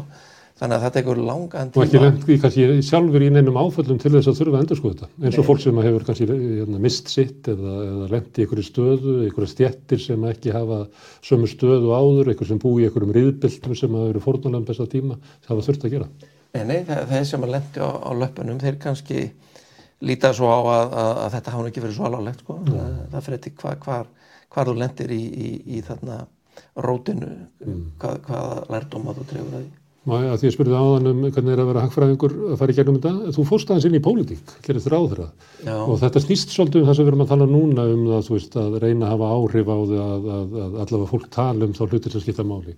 Var það fristing fyrir þig að, að halda áfram í pólitík? Eða stóðir það kannski til bóða? Ég býst við að einhver að þið vilja fá þig til Já, já. í áframhaldandi pólitík starf. jú, jú, ég, ég- Var það fristing?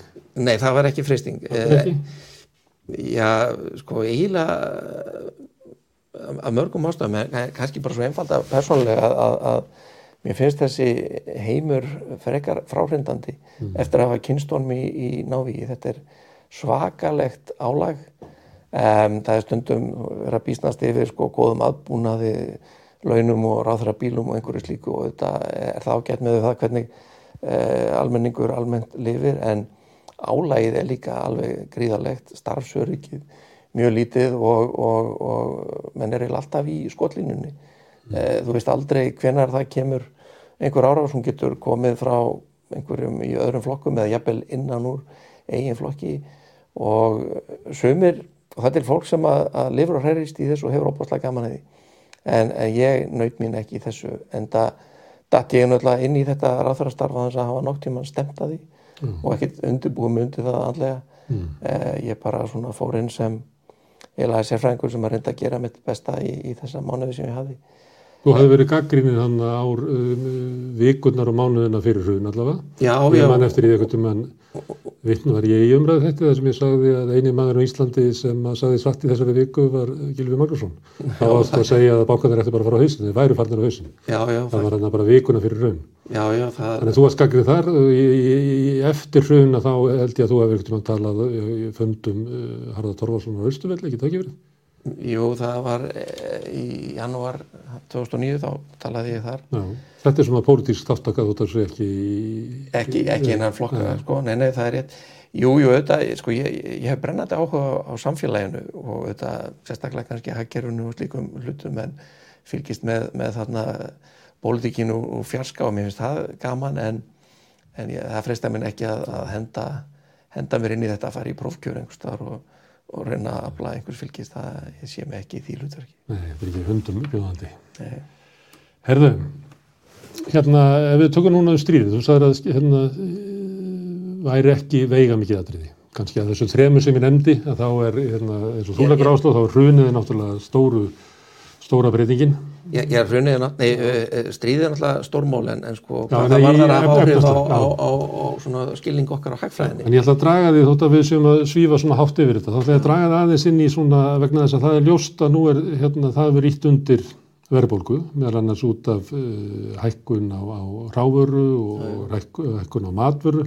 Mun hafa mikil áhrif í, í löndum Norður Afríku og ég held að löndið svo þess Indonesia hafi keft mikið af, af, af korni frá hérna Úgrænu og Rúslandi þannig að þau geta lent í vandraðum og, og þegar matvæla verið hækkar í þessu löndu getur það valdið sko pólitískri sveiflu en þetta getur líka haft árið hér, þetta getur komið inn verðbólga.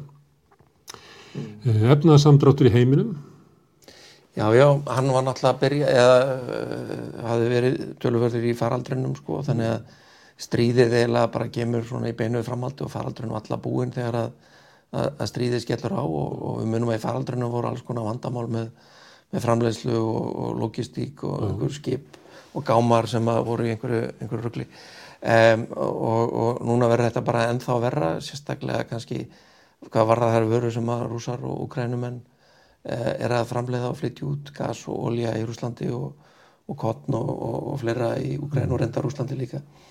Eh, þetta skiptir allt saman máli, eh, kannski ekki svo rosalega miklu máli á Íslandi, við erum dæmis ekki að flytja inn eitt gas frá, frá miklu minna heldur en þessi Európu þar sem við getum verið að horfa fram að mikla hækkun og orkuverði. Já, já, bara jafnvel veruleg vandræði næsta haust sko eða næsta vetur. Um, en auðvitað er þetta áhyggjefni en, en sko, sem ágefni þá bliknar þetta við liðin á, á, á mannfallinu og þeim Já, já. hörmungum sem að, að, að ukrainska þjóðinu hefur fengið yfir sig um, en þetta náttúrulega líka hefur hrist all hressilega upp í ja, hvað við kalla heimsmyndinni. Það uh, 1990 eða á tíunda áratögnum þá einhvern veginn heldum en að, að, að rússar myndu bara svona fara í sömu átt og bólverjar og verða bara svona einhvern vingjarlið ríkið sem að er kannski ekki alveg að blíðræðslegt og svíþjóð og sviss en, en Meðan annars með auknum viðskiptum við Við Vesturlönd. Vesturlönd, Já, til dæmis viðskiptum við Þískaland og pólitískum samskiptum, að þá myndur verða eins og við, en það bara var alls ekki þannig. Nei, það, það bara fór í allt aðra átt og, og, og ég held að menn hafi bara verið í djúbri afneitun með, það að, að, að sko Putin talaði á þessum nótum en mér finnst bara ekki taka hann alvarlega. Ég held að þetta veri bara eitthvað til, til innanhús, innanlandsnotkunar þessar yfirlýsingar hans um, um sko að so, runn Sovjetríkjana hefði verið þannig að mestu glappa, eh, glappaskot veraldarsögunar eða hvað hann var sem hann kallaði þetta. Þá var hann kannski að tala um það að, Úkraina og Hvítarúsland sé ekki hluti af Rúslandi. Já, Rúslandi, já, já, og hann virðist ekkert einu svona draga mörgin þar, hann vil hafa eiginlega bara uh, Eistrasáslöndin og jafnvel uh, eitthvað inn í Póland með líka og, og menn bara trúði því ekki að hann myndi reyna að ná þessu fram með, með hervaldi. En, en, en fyrst hann er að, að, að, að reyna það eða eitthvað í þessu áttina að þá, þá breytist náttúrulega mjög margt og, og, og uh, það kallar á einhver viðbröð gríðarleg útgjöld til hernaðamála náttúrulega núna er verið að veita hergögnum til Úgrænu en svo bara verið að tala líka um að í framtíðin eða byggja upp sterkan þýskan her og, og, og, og víðar Mörglönd að ákveða kannski að tvöfalda þetta, fara úr 1% af landsframlust upp í 2 sem að þýða kannski 2,5% af, ríkisútgjöldum fara til hermála sem áður fóruður ekki og einhvers staðar koma fyrir peningar. já, já, þetta er náttúrulega sko, gríðarlega dýrt að það er peningur sem fyrir að búa til skreitreka og flugvila fyrir ekki að búa til liv og, spítala eða skóla eða kjenslupækur þannig að, að, að, að þetta verður alveg svakalega uh, þetta er svakalega vond mál hvernig sem á það er litið. Uh, jafnvel þó maður lítið bara á svona einhverjar einfaldar efnahagslegar afleðingar eins og bara kostnaðin við að, þarna þennan výbúna sem verðist stefna í. Svo veit maður svo ekkert hvernig kemur að því endur þess að Úkrænu en vonandi sem fyrst en það verður gríðalega dýrt og Úkrænmenn gera það ekkert sjálfur óstuttir þannig að þar geti verið gríðalegu reikningur sem að er svo sem ekki þetta að senda neitt annað en til Vesturlanda eða á annar borða að endur þess að Úkrænu Pólitíkin, eh, hagfræðin á rætur í svona pólitík, eh, heldur að verðbólga, hækkun orkuverðs, aukin útgjöld til hermála og þar leðandi minni til verð, velferðar, eh, samdrátt, efnaðsamdráttur og dýrtíð geti reynt á pólitísku kerfin í Evrópu. Já, alveg, alveg mjög, klálega mjög undarlega eins og við menna margir sem eru fylgst með Fraklandi núna undarferið. Já, já Þetta er náttúrulega, Þa, það er, er vissulega ágefni sko og þó ég ætla nú ekki að fara í sko þykjast vera stjórnmálafræðingur að fara í stjórnmálaskýringar en þá samt blasir það við að að, að svona þrengingar sem að jafnlega þá reyði sér utanakomandi skýringar að það er grafa undan eh, svona hvað við kalla hófsömmum stjórnmálumönnum þannig að það, það, geta komið öfgar hvort heldur er vinstra megin eða, eða hægra megin. Eh, við sáum það í Fraklandi að, að Uh, kannski er Ma- Macron einhverstaðar aðeins hægra með við miðju en það var einhver langt hægra með við hann sem var helsti kepanuturinn og svo var einhver sem var til dæla langt til vinstri á svona vennilegan euróska mæli hvar það sem var í þriða klassískur uh, 20. aldar sósíaldemokrati. Það er bara, miðjan hefur færst svo mikið til hægri að, að Já. Melanchon var tólkaður, hann var eins og Mitterrand 1980. Já, já. Það er nú ekki alvarlega það. Nei, nei, en, en svo sjáum við náttúrulega og það gerist náttúrulega fyrir Úkræna að, að Trump komst til valda og, og, og svo erum við með í, í e, Ungverlandi og, og Pólandi ríkistofnir sem eru nú kannski ekki alveg með svona, svona líðræðis, sama líðræðiskilning og þroska eins og eins og til dæmis Norrlöndin og, og, og Eða, efnahags- eða 40-45% frakka, Já, eða 50-60% ítalja. Þannig Já, að já. þetta er náttúrulega hægri, uh, ultrahægrið, eða nýja hægrið eða hvað sem við kallum það, eru náttúrulega gríðarlega sterk í mörgum löndum. Já, og, og sko síðan fara menn að kenna einhverjum um sko og það er náttúrulega oft útlendingar eða fólk af öðrum trúabröðum e, þannig að þetta getur alveg kveikt elda í mörgum löndum þar sem að, að, að þarna ráðist er á einhverja hópa e, og, og, og þarna reynda að þjappa mönnum saman undir einhverjum annarkort þarna gunnfána ríkisins eða, eða, eða kirkjunar mm.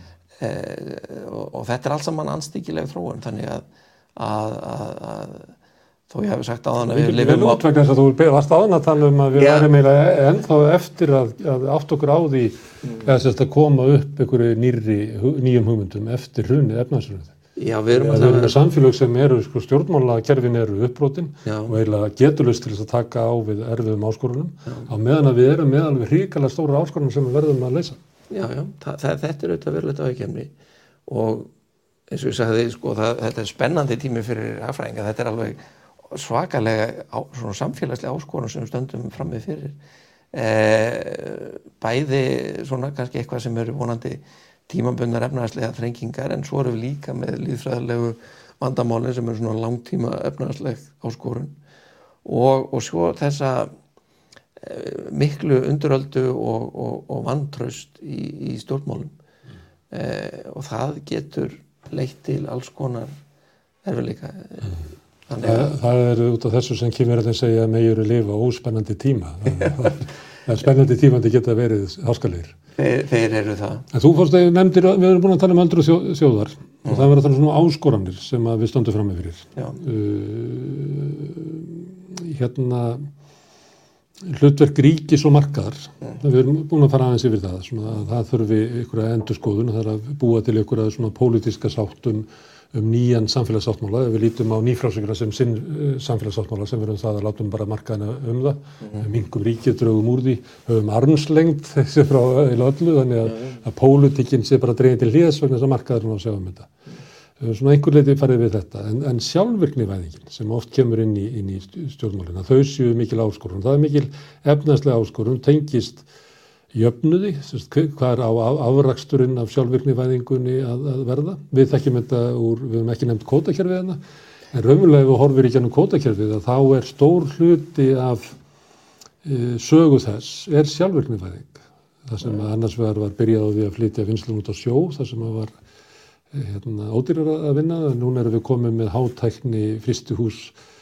E, við vitum að í upphæðu kótakerfið voru 11.000 fiskverka fiskverkafólk, en það eru 2000 núna já, já. og þetta er náttúrulega einhver leit út af samsjöfun mm. en líklega að staðstur hlut út af sjálfveiknuveðingu þannig að við um að sömur þetta gengið í gegnum hana.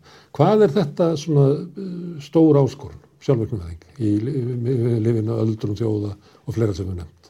Jú, sko, það má þetta líta á þetta sem áskorun þetta eru líka alveg gríðarlega tækifæri, sko.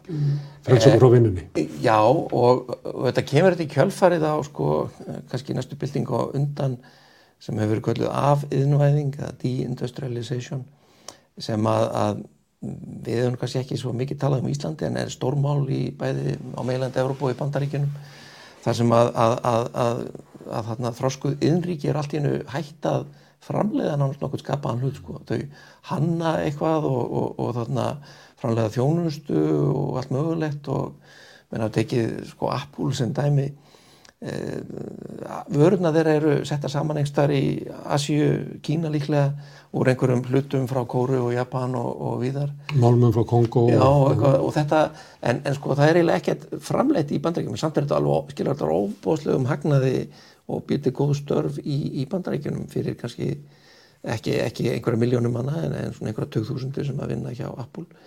Um, og þetta gekk alls ekkit sársökulegst fyrir sig. Þetta skildi eftir þetta svo kallega riðbelt í bandarækjunum það sem var, var alls konar framleysliðinnar, bílaðinnar og eitthvað flera og, og, og, og atvinnuleysið þar og svona einhver degjandi þorp og annað. Og um, en, en kannski var þetta óhjókvæmilegt en, en þetta var allavega alls ekki sásveikalust ferli. Og sjálfur hópa sem upplöða sér svikna bara Já, já, og, og það, bara þetta var til dæmis mikið að baklandi Trump. Uh, hann fekk mikið aðkvæðum í, í fylgjum sem höfðu farið sérstaklega illa út af þessu. Og sjálfvirknivæðingin getur auðvitað sumuleiti búið til samskonar ásporanir við ef, ef að þarna þetta grefur undan heilum atvinnugreinum. eh, eða allavega leiði til mikilvæga fækkunar starfsmanna að, þá þarf að búa til með einhverjum hætti ný störf á móti eh, þetta er eins og að býr líka til tækifæri þess að stýtta vinnuvíkuna og stýtta starfsæfina og, og svo auðvitað verðum við að hafa í huga að þetta er svona kannski móteitur við, við þarna þessum líðfræðilegu áskorunum ef að við erum með færri á vinnumarkaði mm. að þá er þetta mjög gott að, að, að við þurfum ekkert mjög marga ef þess að vélarnar eh, leysa framleysluna mm. En hver ræður? Nú þegar ég tók dáman dæmi á þann að hátækni fyrstúsi sem að Samir reysir Samir ræður þessu bara. Ávinningurinn af sjálfveiknivæðingunni hann fer bara til eiganda Samira. Já, já. Og heim, þeir sem unnu þarna missa vinnuna og launa umslagi þeirra hættir að hýstlast um, um um Dalvík eða, eða Akureyri og, og, og búa til þar eitthvað hagkerfi. Það... Já, já, það, sko, þá, það, þá skiptir nefnilega höfum máli að, að, að þetta fólk sem vinnur ekki lengur við að, að þarna handflaka þoska eða hvaða náður sem það gerði að það fari að gera eitthvað annað í staðin og fái laun að tekka eh, annar staða frá mm. og sem, sem betur fyrir þá hefur Íslandingum tekist það bísna vel við höfum raun og aldrei búið við sko eitthvað mikið staðbundi atvinnuleysi sem er til langstíma þetta þegar eitthvað fristús hefur farið eða, eða tógari og fór flutt eins og viðgerðið í sig sem, er auðvitað betra það betra, það að tönnu yllu þá skára það flíti heldur en að það sitji eftir atvinnulegst og, og mæli göttunar þannig að, að, að íslensk hagkerfi hefur sem betur fyrir verið svo, svo lifandi að, að það hefur hennilega búið til ný störf og reyndar eiginlega bara þannig að störfuna hefur orðið til áður eldur en að þau hurfu á, á gamla stanum þannig að um, og, og það reyndar eitt sem að, að við nefndum innflytjendur á þann að, að þessi störf sem varst að nefna í, í fiskvinnslu þau eru meira að minna unnin af innflytjendum. Mm. þannig að Íslendingarnir sko þeir eru farnir að gera eitthvað annað. Eh, kannski kláruðu fóröldarnir starfsæfina en börnin tóku ekki við sömu störfum. Börnin eru að gera eitthvað annað þau eru kannski tölunarfræðingar í bænum eða eitthvað annað en Það er nú samt þannig að ég held að sé ekki nema ég man ekki hlutallið það er af ófaglegur verkafólki þá er ennþá hérna, ekki innflýtendur en þá meiruluti Já, já, er, það er rétt en, en Erðu ég ætla að það áfram áskonum. Já. Uh, Lofslagsván Já, já Ernaðsleg Já, það er auðvitað gríðarlega áskorun og, og uh, sjálfur sér óleist mál. Um, það hins vegar er þannig mál að, uh, það má kannski segja sko að tæknilausnirnar séu allavega hugsanlegar eða séu á tækniborðinu en það sem vandar er, er, er, er pólitísk kerfi sem að færa okkur til þess að, að þróa þær áfram og rinda þeim í, í framkvæmdi að taka þær í nótkun eh, og, og, og það bara einfallega er ekki hægt að takast á við loftslagsvanna nema með því að, að, að minga all verulega bruna á jarðefnaelsniti og uh, það eru tilýms að leiði til þess og það er alltaf betur um bæta þær uh, það, það er dýrt og tekur tíma en en, en, en pólíska kerfi hefur ekki ennþá sett þann slagkrafт sem þarf í þá byltingu. Þetta hefur margt gott verið gert en við erum langt frá því að sem, sem, sem sagt bara samfélagun allir, er ekki að tala um Ísland heldur bara eh, íbúar jarðar höfum ekki leist þetta vandamál og að hluta til er það vegna þess að að, að eh, menn hafa fristingu til þess að, að, að líta svo á að aðrir eigi að leysa vandan fyrir okkur. Og uh, já, bara tökum sem dæmi sko Ástrali sem hafa verið sem mjög rík þjóð verið gagnið mjög harlega fyrir það að vera ekkert að stíga á bremsuna í, í þarna notkonu jarðefni elsniti og útflutningaði þeir flytja út bara eh, skipsfarma gólum til Kína svo dæmi sér tekið. Eh, og þeir segja bara eins og reyndar sko íbúar Vestur Virginíu sem að kjósa að að þetta er bara starfið okkar. Við ætlum ekki að fórna starfin okkar fyrir einhvern óljósan ávinning heimsins við ætlum bara að þarna hugsa um, um rassinu sjálfum okkur. Mm. Þetta er nú hérna eiginlega menn sem að hagfræðin bjóð til, þetta er bara homo economicus Já, þetta er hann blessaður Þetta er bara þínir menn. Já, þetta er allavega mjög kunnulegir menn ég ætlum ekki að segja þessu mínir menn. Og, og, og meðan að, að margir hugsa svona að, að, að þá dugar skamt sko að, að þarna Íslendingar sé að gangi í lópapeisum og hjóla og, og þarna gera allt sem við getum að því að það þarf náttúrulega átaka heimsvísu. Þá kemur í ljós sem að sumuleiti hefur verið dreyið fram út af stríðinu að svona alheimskerfið sem við höfum, Já. að það er mjög veikt og kemur í ljós af, af í stríðið sumuleiti það að saminuð þjóðunar virka ekki og eiginlega allt kerfi sem við höfum út kringum sko alþjóðlega samskipti til þess að geta ráðist við svona stór vandamál eins og já. eru bara hend okkur ekki. Já, að finna eitthvað annað. Þa, það, það, þetta hefur, það er alveg rétt að, að trú manna á saminu þjóðunar og öryggisráðið sem að er náttúrulega líkil batterið þar e, hefur mjög, mjög vesnað eða minkað og, og það er nú hrottveikjandi að hugsa til þess sko að sama umræða var fyrir cirka 90 árum um þjóðabandalæð sem að var, var þarna, er nú forveri saminuð þjóðana en fór í, í steik í, í, í setni heimstyrjöldinni. Því mistókst algjörlega að, að afstýra þeirri styrjöld og var bara algjörlega þarna máttlaust uh, uh, kerfi til að, að þarna uh, stilla til friðar uh, í aðdraðanda setni heimstyrjöldarinnar. Og ef að saminuð þjóðnar er að molna á, á, á sama hátt og raunar eiginlega bara ómögulegt að finna einhverju lausn á því hvernig er hægt að beita einhverju tæki þar sem að uh, Rúsland sem er árásaraðilinn hefur neitunavald á allar aðgeri sem að býta. Það, það augljóslega gengur ekki upp og það, en, en ég, ég á nóg með mín hagfræðinu og ekki hér. skýrin að leysa þetta. Það er eitt atriði vanandi áskoranir af því að, að fyrir hérna, stríð og fyrir hérna, faraldur að þá voru hérna, menn á ráðstöðum við um heiminn og voru að tala um helstu vanna, það voru lofslagsváin og svo aukin ójöfnur. Uh, ójöfnur er eitthvað sem að hagfræðin hérna, fyrir hrun vildi bara helst ekki tala um, eitthvað svona samfélagslega réttlæti.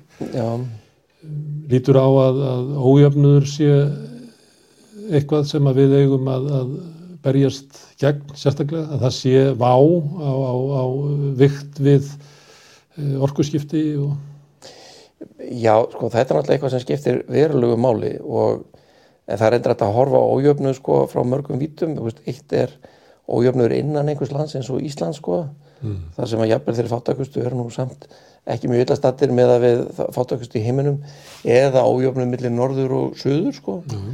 sem er auðvitað miklu, miklu dýpur í gjá þar á milli eh, en, en það er að færa mjög góð rök fyrir því að, að, að reyna að takast á við hvort tvekja, sem sagt bæði gjanna millir norðurs og suðurs og, og síðan eh, þessar innanlandsgjár sem að, að eru í mörgum löndum og um, þetta getur mér haft sína skoðan á því hvort ójöfnur á Íslandi ætti að vera meira eða minni en hann, hann er nú samt svona í minni kantinu með það sem við sjáum hann er meiri heldur en að þegar að þú varst útskrift.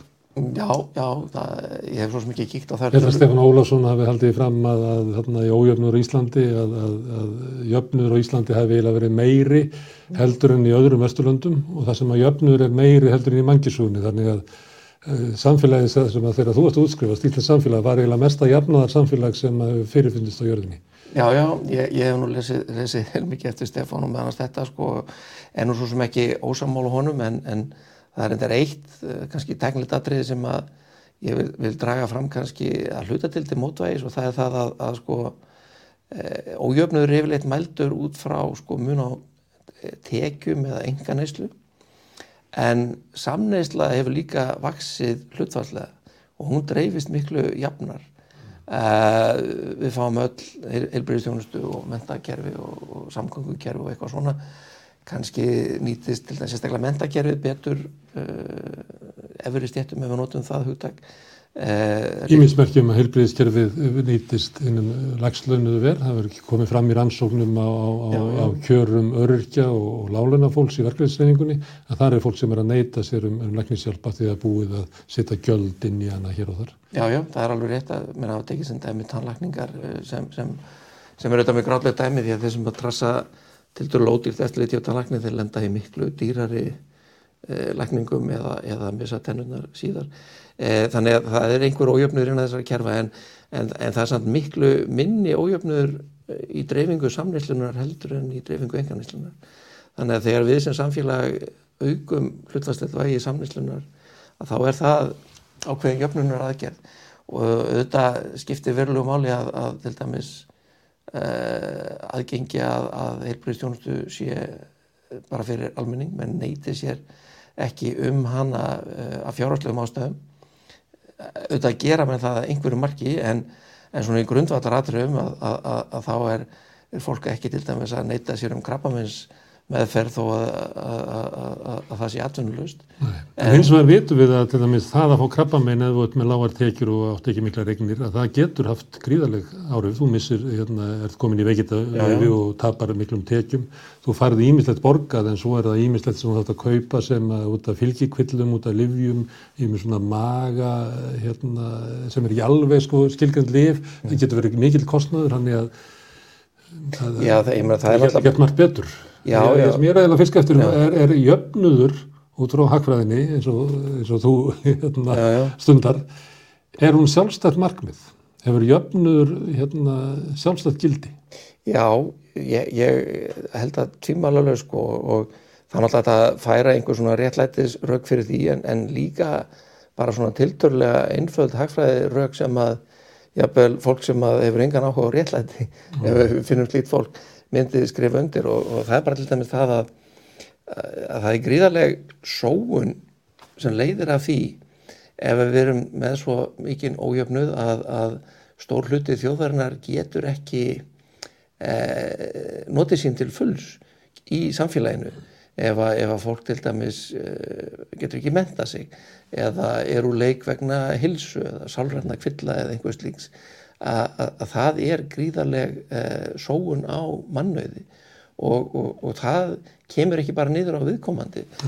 Það kemur niður á samfélaginu. Sem rökur umverulega bara fyrir kvennfrelsi og jafnveit kynjana já, já. Það, það var náttúrulega gríðarleg sóun að, að hafa konurnar uh, halda þeim niðri uh, eða, eða halda þeim inna á heimilunum í stað þess að lefa þeim að, að, að blómstra til japs við, við kalla og menta sig og svo framvegir Er það ekki ég hef búin að draga út um viðanvöld. Mér langar að enda á hérna, það var að því að nafniðin var hérna og hann talaði svolítið um, hann talaði svolítið meira út frá stríðinu. Það getur verið að hafi bara verið á þannig vika því að sömuleyti þá eru fréttinir frá stríðinu sveiflokkur svolítið. Það er bara, það er bara þannig að, að við fáum stundum alveg hryllilega fréttir sko sem er bara erfitt að melda. En hann var eiginlega svona út frá að þetta myndi hafa áhrif á heimshagkerfið, myndi draga úr svona þeirri miklu alþjóða væðingu sem hafði verið mm.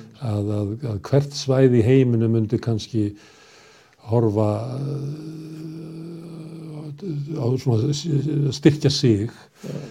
Lógi Ólafsson verkfræðingur hefur sagt þetta, hann hefur komið til okkar hérna en hann var líka í Silfrinu mm. og hann var að tala raunverulega, að því þú varst að tala um sjónustuhækverið og appul, yeah. að þá var hann að segja að við þurfum að horfa á það, við þurfum að kannski að fara að skoða námuvinnslu og eitthvað svona sem við höfum ekkert gert yeah. og þetta er, þetta er á öðru vísi uppbygging heldur en að byggja einhverja heimasýður saðan, að því hann er í námu þannig að hann leiður sér að tala um, um hérna, þjónustuhækverið sem að svo búa til heimasýðu, en hann vil líka tala um þetta, að, að við þurfum að horfa til svona okkar svæðis.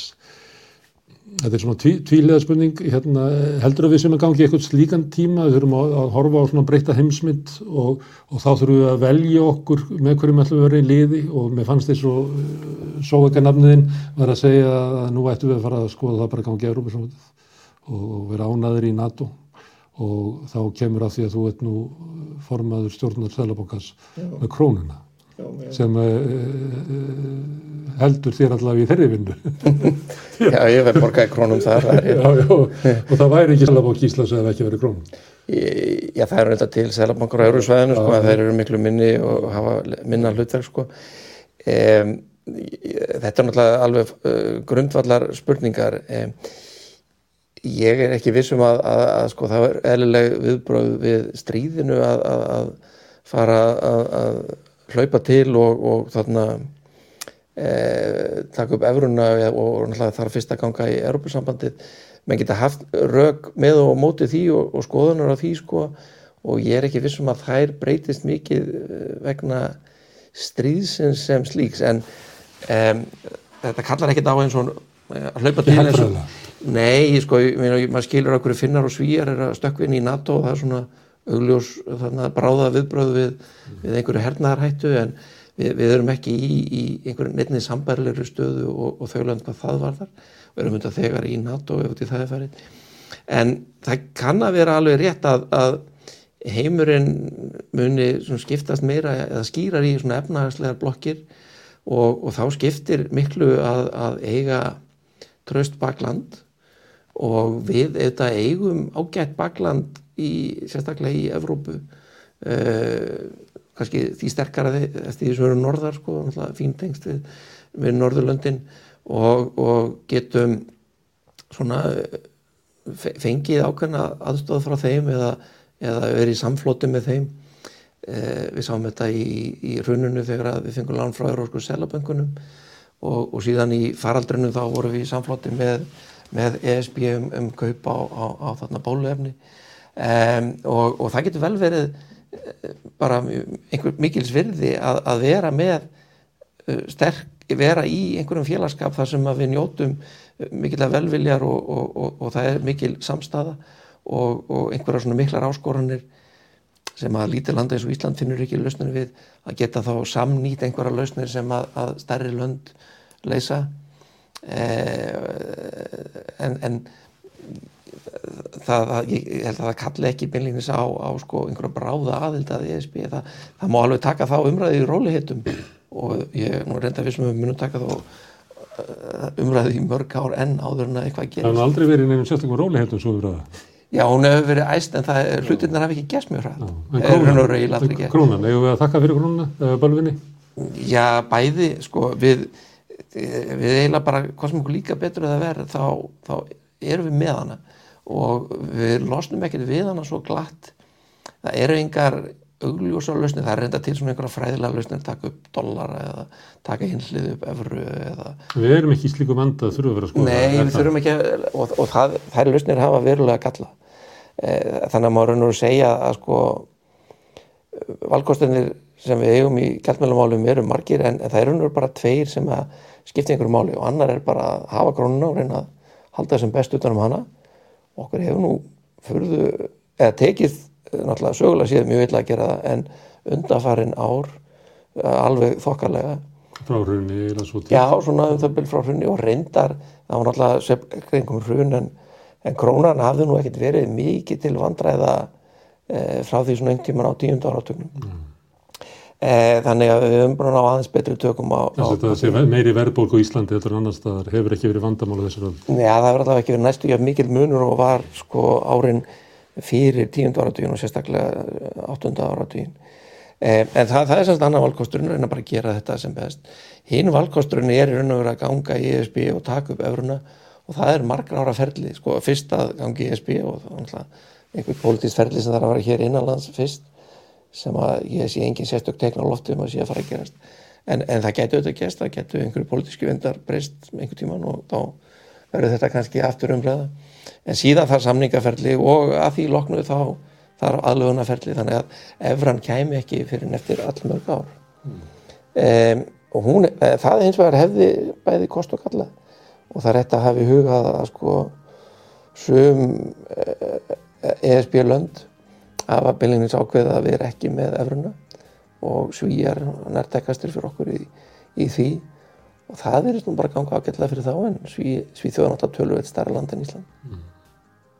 Herðu, Gili, ég þakka fyrir að koma hérna og afsakaðu að þetta var langu þáttur.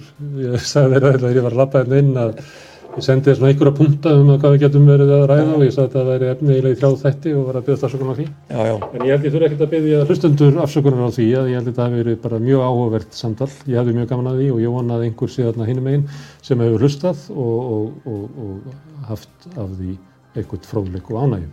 E, þið getið aðstofa okkur við að byggja samstöðuna með því að læka síður samstöðuna bæði á Facebook og á YouTube. Þið getið stutt samstöðuna með því að ganga í alþjóðfélagi. Það er gert með því að fara á samstöðun.is